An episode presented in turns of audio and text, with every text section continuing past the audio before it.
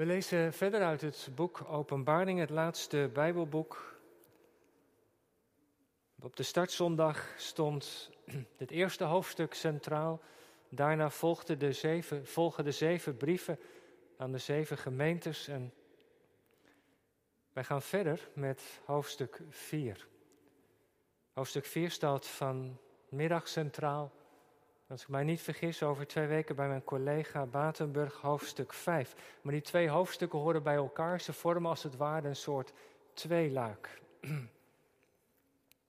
En u heeft ook op de zondagsbrief een kort overzicht gezien. De openbaringen, dat is een boek met 22 hoofdstukken, maar het laat zich wel in drie delen min of meer opdelen. De begintijd, de tussentijd en de eindtijd. De begintijd, het visioen wat Johannes te zien krijgt, de zeven brieven aan de gemeente, hoofdstuk 1 tot en met 3. En dan 4 tot en met 18, dat start dan met het visioen van vanavond en over een poosje hoofdstuk 5.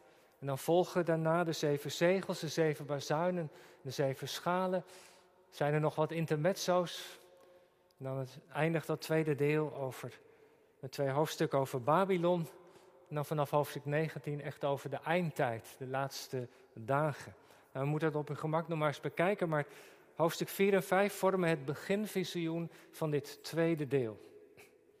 En we staan vanaf, vanmiddag stil bij hoofdstuk 4. En ik ga daarna gelijk door met de preek. En na de preek eh, zullen we samen de Heer prijzen met de woorden van Psalm 103, 1, 4 en 9 uit de nieuwe Openbaringen 4, het woord van God voor deze middag. Hierna zag ik en zie, er was een deur geopend in de hemel. En de eerste stem die ik als van een bazuin met mij had horen spreken, zei: Kom hier, omhoog. En ik zal u laten zien wat hierna moet geschieden. En meteen raakte ik in geestesvervoering.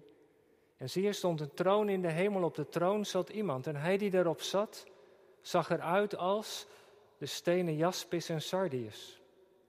En was een regenboog rondom de troon, die eruit zag als smaragd. En rondom de troon stonden 24 tronen.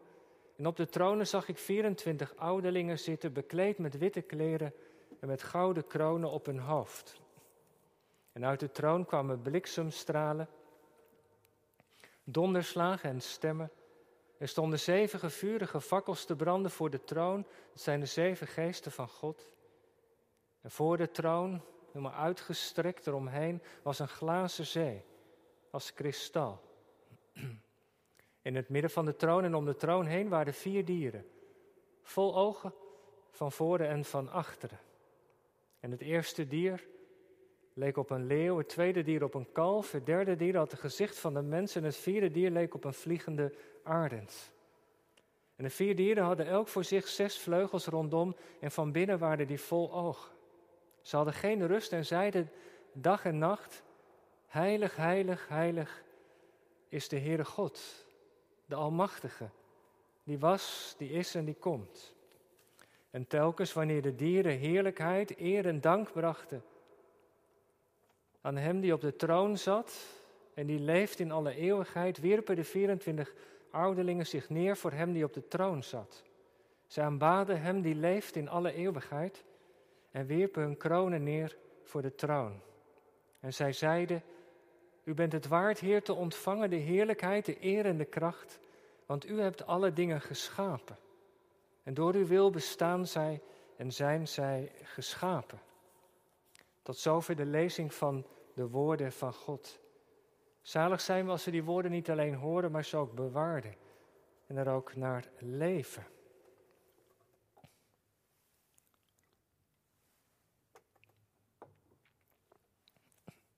Na de preek dus de lofprijzing uit Psalm 103. En het thema voor de preek waar ik met u en jou samen over na wil denken. Wat God in het hoofdstuk tot ons te zeggen heeft. De troonzaal van God. Gemeente van Jezus Christus. Afgelopen week ging premier Rutte eindelijk overstag. Gedwongen door de publieke opinie in navolging van de landen om ons heen. De aanbeveling om eindelijk mondkapjes te gaan gebruiken.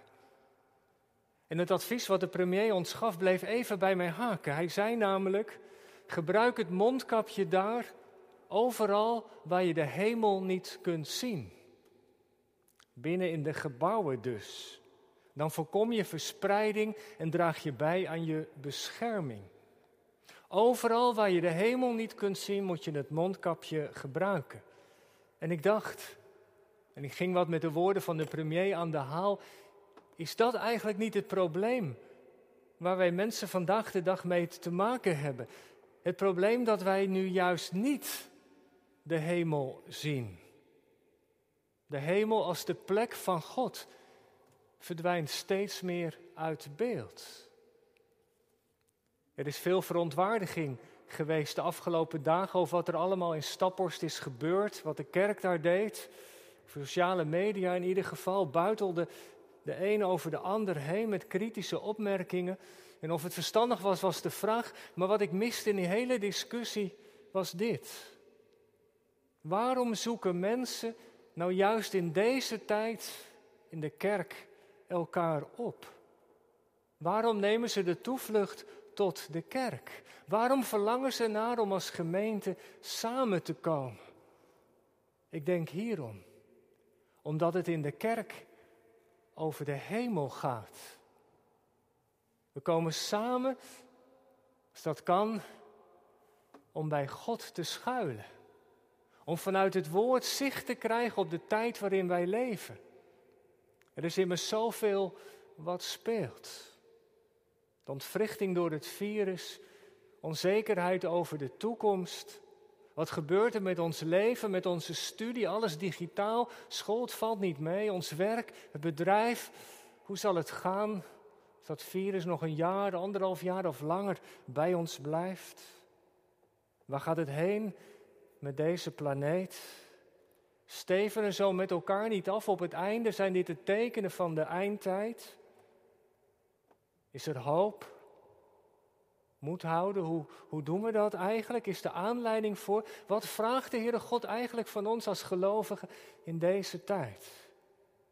En weet u, weet je, op al die vragen kan er maar één persoon antwoord geven. En dat is de Heere God zelf. Je zou kunnen zeggen, het antwoord moet vanuit de hemel komen. Want waar zijn we het beste beschermd? Op al die plekken waar we de hemel kunnen zien. En weet u, we zijn vanmiddag in goed gezelschap. Johannes maakt ons deelgenoot van wat hij in de hemel te zien krijgt. U weet, zo is het Bijbelboek begonnen. Johannes zit op Patmos. Hij is gevangen gezet vanwege het evangelie. Hij is aan alle kanten beperkt. Hij zit in een soort werkkamp. Hij kan de zorg niet dragen over de gemeentes. Hij zit opgesloten in zijn cel. De deur van de cel zit om zo te zeggen dicht. Maar de deur van de hemel, die gaat voor hem open. En ik dacht, wat is dat mooi eigenlijk? Zoiets kan de Heere God alleen maar doen. In moeilijke en uitzichtloze situaties bijvoorbeeld. Als je gevangen zit zoals hij. Of als je thuis op je kamer zit een lockdown. Als je plat op je ziekenhuisbed ligt. Of in een instelling en je kan er niet uit. Als er zorgen zijn over je gezondheid. Dan is God bij machten je te bereiken. Ons te bereiken. Als, ook al zit de deur naar de toekomst dicht. Hij kan de hemel voor ons openen.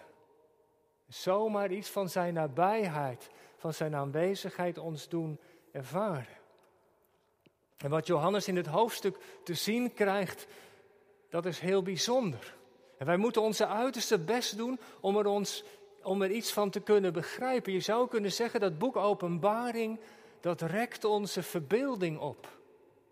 Want met dat Johannes een blik krijgt in de hemel, gaat het over zo'n totaal andere wereld. Het perspectief gaat van de aarde naar de hemel. Opeens zijn er geen mensen meer, maar engelen en hemelse wezens. Het gaat niet, niet langer over het heden, maar, maar het gaat over de toekomst. Het gaat van de zondige wereld van ons mensen op aarde naar de heilige wereld van God. Het gaat van ons menselijke denken naar hoe God tegen het leven kijkt. Het rekt onze verbeelding op. En je proeft bij Johannes ook als hij moet beschrijven dat het steeds maar bij benadering is. Het is alsof, het is als, ik zag iets als. En het kost een moeite om het onder woorden, om het in aardse taal te kunnen beschrijven. Het is bij benadering, hij gebruikt heel veel beelden. En daarom vinden velen het boek Openbaringen ook moeilijk om, om te volgen, moeilijk om te begrijpen. Maar, maar één ding moeten we vasthouden vanmiddag. Het is een troostboek. Geschreven voor christenen in de vervolging. Met maar één boodschap. Jezus is overwinnaar. God regeert. En dat moeten we vasthouden. Dat is een heel heldere boodschap. Maar Johannes kan het, wat hij ziet, natuurlijk niet allemaal onder woorden brengen, want de hemel gaat ons verstand te boven. De Heere God is daar te groot voor. Het is bij benadering, maar toch. Het is adembenemend wat hij te zien krijgt. En vanavond dan het eerste deel van dit visioen, het hoofdstuk 4. Als Johannes, als de hemel voor hem open gaat, wat ziet hij dan? Hij ziet, ja, en houdt uw Bijbel maar even open, dat is wel handig. Hij ziet allereerst een troon. In het midden van het visioen staat de troon en op die troon zit de Heere God. Hij krijgt een inkijkje in de troonzaal van God. Dit is de plek waar de Heere aanwezig is, waar Hij orders geeft, van waaruit de hele wereld en de schepping, het universum, het licht, de sterren, de mensen, de wereld is geschapen. Hij zit op de troon, hij sprak en het was er. Hij gebood en de dingen kwamen tot aanzijn. Johannes ziet de controlekamer van het hele universum. En in het centrum zit de Heere God op de troon. Hij heeft de regie. Er is volmaakte rust in de hemel. Niets ontglipt zijn aandacht. En je proeft dat Johannes naar woorden zoekt. God zelf kan hij niet beschrijven, maar, maar de indruk die ervan uitgaat wel. De majesteit en de glorie, die ziet eruit als jaspis, zegt hij, en sardius. Jaspis is een kostbare witte edelsteen. Sardius een rode edelsteen, de witte en de rode gloed. En daaromheen is dan een boog. Vertaald in de herziene statenvertaling met een regenboog. In het Grieks is het woordje iris. Dat kan stralenkrans betekenen of regenboog. Hier vermoedelijk de stralenkrans, want hij heeft maar één kleur, smaragd. Maar het kan natuurlijk ook zijn dat Johannes met, met, de, met Iris ook aan de regenboog denkt als een symbool voor de trouw van God. Dat hij belooft dat, dat hij de aarde niet door water opnieuw zal laten vergaan. God zien we niet, maar, maar alles wat van hem uitgaat, dat krijgt Johannes te zien. En er zijn bliksemstralen, donderslagen en stemmen. Het is adembenemend en onzagwekkend dat visioen. Ze drukken de majesteit uit. En wie er op de troon zit, dat is degene die dit hele universum heeft geschapen. Laatste vers, vers 11 zegt in de lofprijzing, u hebt alle dingen geschapen door uw wil bestaan zij.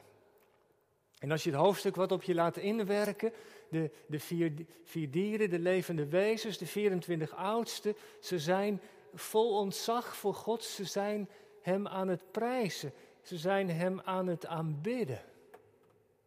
Je zou kunnen zeggen, aanbidding ontstaat waar je oog krijgt voor de genade en de majesteit van God. Die God die op de troon zit, die de schepper is van alles wat is en leeft, die mogen wij kennen als de Vader van de Heer Jezus, als onze Vader.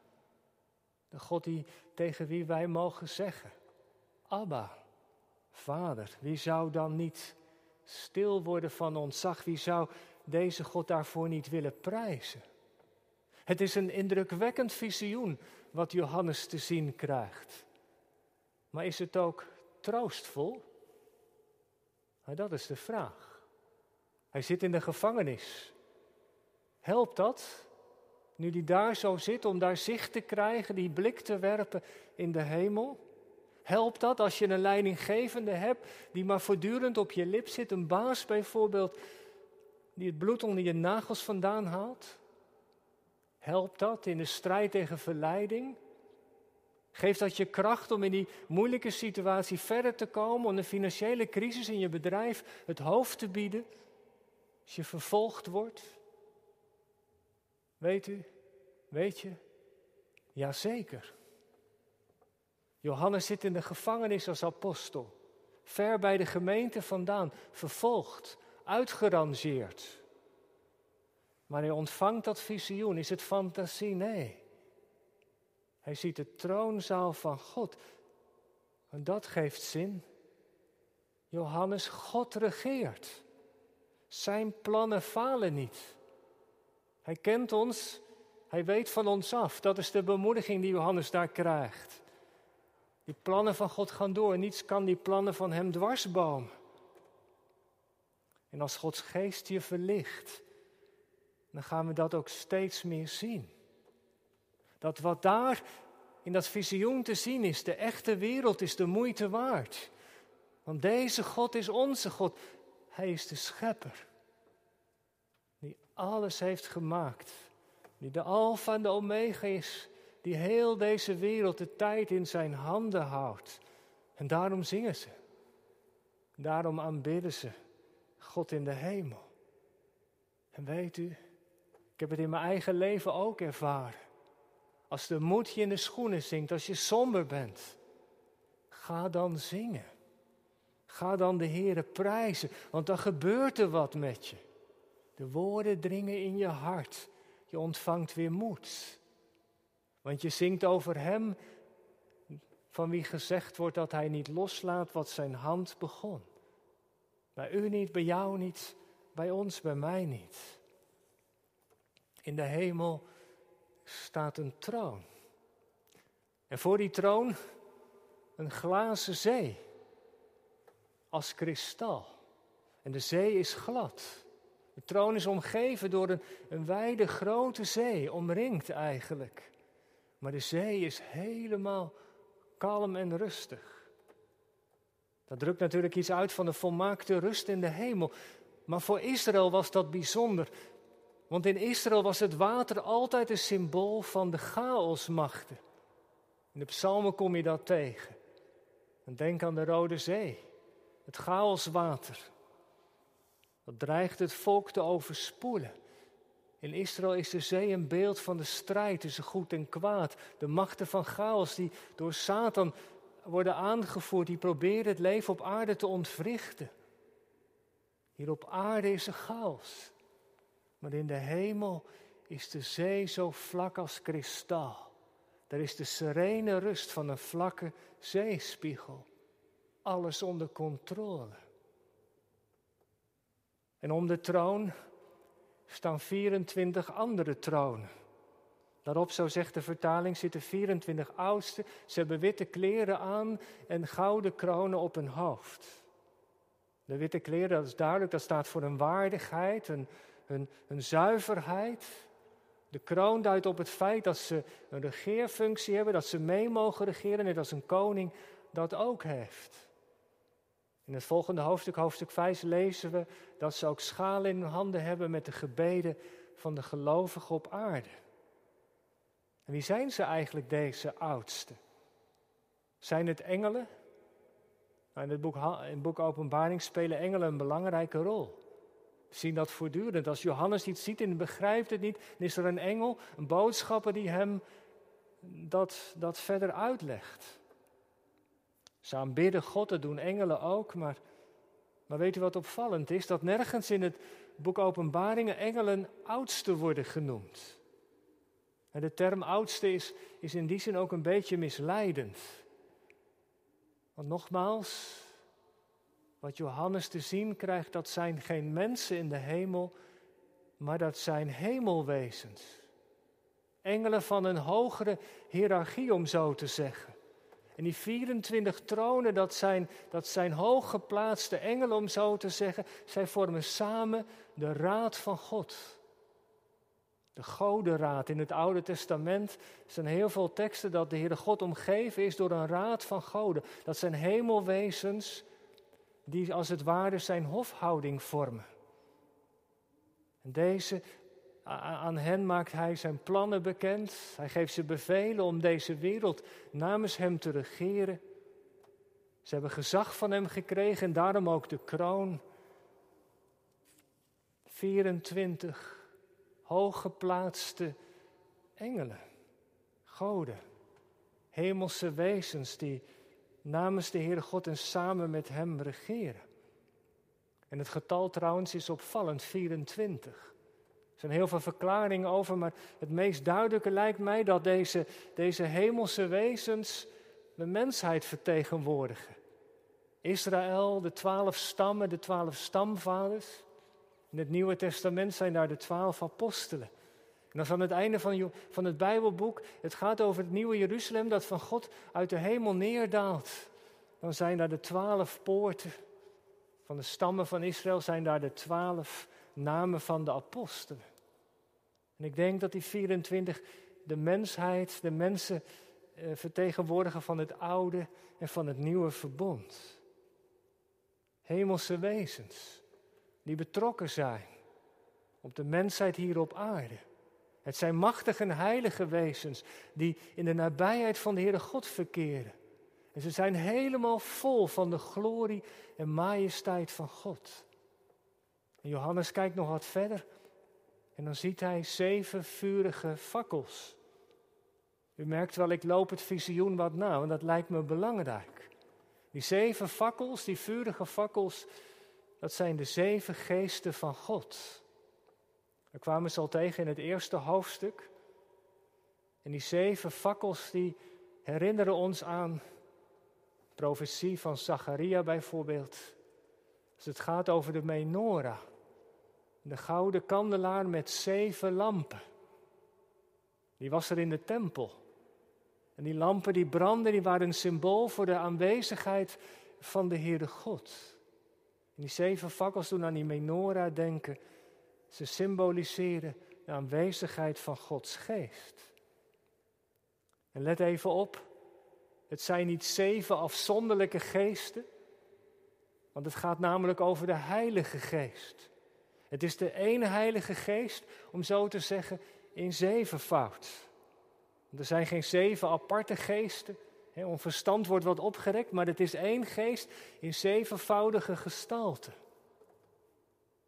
Wij kennen dat wel uit het Oude Testament, uit de profeet Jesaja.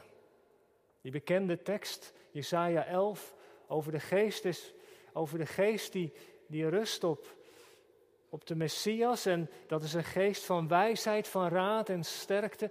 En er worden zeven eigenschappen genoemd. Die ene geest, zevenvoudige gestalte.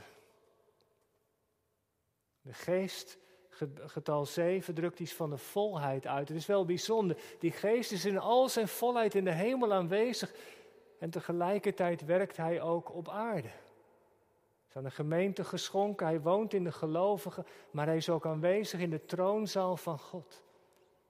Zoals we zullen zien, er is niet alleen het lam dat bidt en bemiddelt, maar de geest ook, die, die voor ons pleit bij de Vader.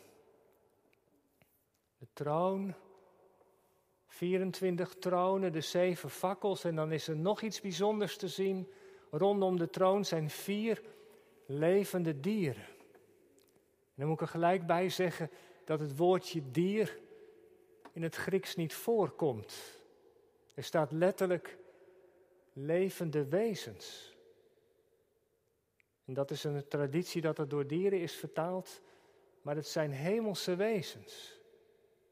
Ze behoren tot de categorie van de engelen. En dat zijn ook weer van die dingen die we in het laatste Bijbelboek leren. U weet, engelen, dat zijn, die zijn door God geschapen wezens die zijn boodschappers zijn. Maar je hebt allerlei soorten engelen. Zo heb je de gerubs, de cherubim en je hebt de serafs. De gerubs, dat zijn de engelen die het oordeel van God uitvoeren. En de serafs zijn de engelen die zijn barmhartigheid bemiddelen. Maar dat is iets wat u denk ik wel, wel weet. Even terug naar het begin in de Hof van Eden. Nadat Adam en Eva gezondigd hadden, toen plaatste de Heere God een sterke wachter voor de deur of bij de tuin, bij de Hof van Ede. Dat was een Gerubs met zijn zwammend, vlammend zwaard. Die moest ervoor zorgen dat ze niet meer terug konden nadat de zonde was gepleegd. En Gerubs is een machtige engel die het oordeel van God uitvoert. Ja, zegt u een seraf dan? Nou, die komen we tegen in Jesaja 6. Het roepingsvisioen van de profeet Jesaja. Misschien herinnert u zich nog wel dat de Heere God Jezaja wil zenden. Maar hoe kan ik door u op pad gezonden worden, zegt Jezaja. Ik ben een man van onreine lippen. En dan komt daar een engel, een seraf. Die pakt een, gloeiende kool van het altaar en dan raakt hij zijn lippen aan. Nu zijn je zonden verzoend. Een engel die de barmhartigheid en de verzoening van God bemiddelt. Serafs en gerubs. Maar deze vier hemelse wezens, dat zijn de gerubs. Ze dragen de troon van God. En dat weten we uit het boek Ezekiel. De visioenen van Ezekiel, hoofdstuk 1 en hoofdstuk 10, is daar de troon van de Heere God. En er zijn er vier levende wezens die alle kanten, die naar de hoeken van de wereld kijken. Ze staan symbool voor de geschapen wereld, de vier hoeken van de aarde, de vier winden van de hemel. De troon is er en ze kijken iedere kant op. Ze dragen de troon van God. En de gerubs, die vertegenwoordigen de hele bezielde schepping. De oudste de mensen en de gerubs de andere levende wezens die op aarde zitten. En wat nog bijzonder is, ze zitten vol met ogen. En daarmee drukt Johannes iets uit dat, dat, dat ze niets ontgaan, dat ze alles kunnen zien. Ze zijn betrokken wat er op aarde gebeurt. En van die vier levende wezens wordt nog iets belangrijks gezegd. Ze worden door Johannes nog getypeerd. Ze hebben de intelligentie van een mens, de kracht van een leeuw, de dienstbaarheid van een os en de snelheid van een adelaar. Het zijn door God geschapen wezens die zijn oordelen uitvoeren. En ze gaan erin op een intelligente, dienende wijze te werk. Het zijn de rechters die zijn oordelen uitvoeren, doeltreffend in hun taak. Er is een traditie in de vroege kerk dat deze vier levende wezens gezien werden als de evangelisten. De leeuw, dat, dat was Johannes. Lucas het rund. De mens, Matthäus, Matthäus. En de arend stond dan voor de evangelist Marcus. Ik geloof in de tweede eeuw ergens ontstaan. Het is een hele mooie gedachte, maar het heeft niet zo heel veel met deze tekst te maken. Het is een beetje inlegkunde. Maar die, die gerubs die hebben een belangrijke rol in de regering van God. Zo kijken we samen met Johannes in die troonzaal van de Heer. En wat een bijzondere dingen zijn er allemaal te zien. En er is nog iets wat Johannes opvalt. Dat is het laatste waar ik nog even de vinger bij leg. Er is gezang. Er wordt gezongen in de hemel. Er is een hemels koor. Eigenlijk wel bijzonder als je daarover nadenkt. Op het moment dat Johannes in de gevangenis zit, zijn, ze daar in de hemel de Heere God aan het prijzen. Op het moment dat wij hier bijna alleen in de kerk zitten en u thuis, vindt in de hemel lofprijzing plaats. Een hemelskoor. En die vier gerubs, die prijzen God. En Johannes voegt er nog aan toe, ze hebben geen rust. Ze zijn zo vol van de genade en de majesteit van God. Ze blijven maar zingen, dag en nacht. Als een eeuwigdurend koor. En let eens even op het lied wat ze zingen. Heilig, heilig, heilig. Onze organist speelde een lied wat daaraan refereert aan het begin van de dienst. Het is een trinitarisch lied. Heilig, heilig, heilig. Het is de Heere God Almachtige die was, die is en die komt. Ze prijzen God voor wie Hij is. En dan kunnen ook de 24 oudste, de hemelse engelen, ook niet achterblijven. En ze knielen in aanbidding voor de Heere God neer. Ze werpen hun troon en ze voegen hun stem in het koor. De gerubs prijzen God voor wie hij is. De oudste prijzen God voor wat hij heeft gedaan. U bent het waard, zeggen ze. Heren, te ontvangen de heerlijkheid, de eer en de kracht. Want u hebt alle dingen geschapen. Door de wil bestaan zij en zijn ze geschapen, vers 11. Ze prijzen God om wat hij doet, want alles wat er in deze wereld is, is er dankzij de wil van God. Hij wilde dat deze wereld er was. Hij wilde dat wij geschapen zijn. Uit liefde heeft hij iets gemaakt, buiten zichzelf, om in eeuwigheid ervan kunnen, te kunnen genieten. Maar door de zondeval is er zoveel verstoord. In hoofdstuk 5, het volgende hoofdstuk, gaat over het lam dat komt. Om die grote kloof te overbruggen. Maar hier zijn ze God aan het worshipen. Dat is trouwens wel een mooie term. Dat Engelse woord voor aanbidding, voor eredienst, worship. Dat is afgeleid van worship. Waarde toekennen aan. Ze prijzen God en zegt, u bent het waard. Als een eeuwigdurend koor. Dag in dag uit wordt de Heer geprezen. Het is een adembenemend visioen. En hoe meer je er van onder indruk komt, ja, zo gaat vergaat het mij. Hoe meer verlangen ik krijg om mee te zingen. Ja, zegt u wel mooi zo dat visioen, maar die oude vraag, wat, wat nut ons dit eigenlijk? Wat is nou de boodschap van het visioen? Ik wil tot slot vier dingen zeggen. Eén ding is denk ik dit, het eerste is dit, het is belangrijk. In dat hemelse visioen staat God in het centrum. Hij is het centrum, het levende hart van dit hele universum. Alles draait om Hem. En als dat in de hemel zo is, dan moet dat toch ook voor ons gelden, vindt u niet? Het ware geloof is theocentrisch, gericht op God en op de eer van God. En dat is wel een contrast met hoe de dingen hier gaan op aarde. De kranten, de nieuws, de media, het staat vol over wat mensen doen, over wat leiders doen, over wat wereldleiders doen. Al die plannen en projecten van mensen staan daarin centraal. Maar in de hemel draait het om God en over zijn plan, zijn koninkrijk. Hij komt de eer en aanbidding toe. En zo mag het ook in ons leven zijn. Ik hoop dat het bij u, bij jou, bij mij ook elke keer weer zo is. Dat ons leven niet, niet cirkelt om onszelf, maar excentrisch cirkelt om wie de Heer is. Want, zeg nou zelf, wie zouden we zijn zonder Hem? Wie zouden we zijn als de Heer Jezus niet voor ons in onze plaats was gestorven? En daarom belangrijk, in alles wat we doen, focus op Hem, Heere, wat wilt u dat ik doe? En zo kun je leven tot eer van God. En het tweede, wat ook opvalt, die levende wezens, die gerub, zitten vol met ogen. Ze zien alles. Dat is ook een prachtig, prachtig beeld. Alles wat er hier op aarde beneden gebeurt. Nu door het coronavirus zoveel dingen zijn veranderd, waar mensen lijden, de toekomst onzeker is. God ziet alles. Alles hier op aarde heeft de aandacht van God. Hij draagt alles wat leeft, om zo te zeggen, dicht bij zijn troon, dicht bij zijn hart.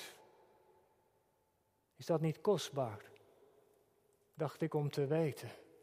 Bij alles wat er in ons leven gebeurt, de Heere ziet ons. Hij weet alles. En hij draagt ons tot dicht bij zijn hart. En het derde, toch nog iets over die aanbidding. Die doorgaande aanbidding in de hemel. God wordt uit alle macht geprezen omdat hij het waard is. Dat is worship, eeuwigdurend lang, dag en nacht. Wij zijn in de gemeente gewend om te zingen. We zingen thuis. We zingen een paar coupletten van het ene lied, een paar coupletten van het andere lied. En dat is prima. Nu kan het helaas niet. Gelukkig hebben we broeders en zusters die ons voorgaan in de lofprijzing. Maar aanbidding, dat gaat nog wel verder. Aanbidding is dat je al zingende in vervoering komt. Dat je zo door de geest wordt aangeraakt dat je hart overloopt van verwondering om wie God is. En ik weet niet of, je, of u dat wel eens hebt ervaren, dat je soms zo geraakt kunt worden door wat je zingt. Het is alsof al zingende voor je de hemel even dichtbij is. En al je zintuigen doen mee. En ik bid dat ons leven zo mag zijn. Een lofprijzing voor de eeuwige God. En dat we zelf ook in ons leven de kracht van lofprijzing mogen ervaren. God die troont op de lofzanger van zijn volk. het laatste punt.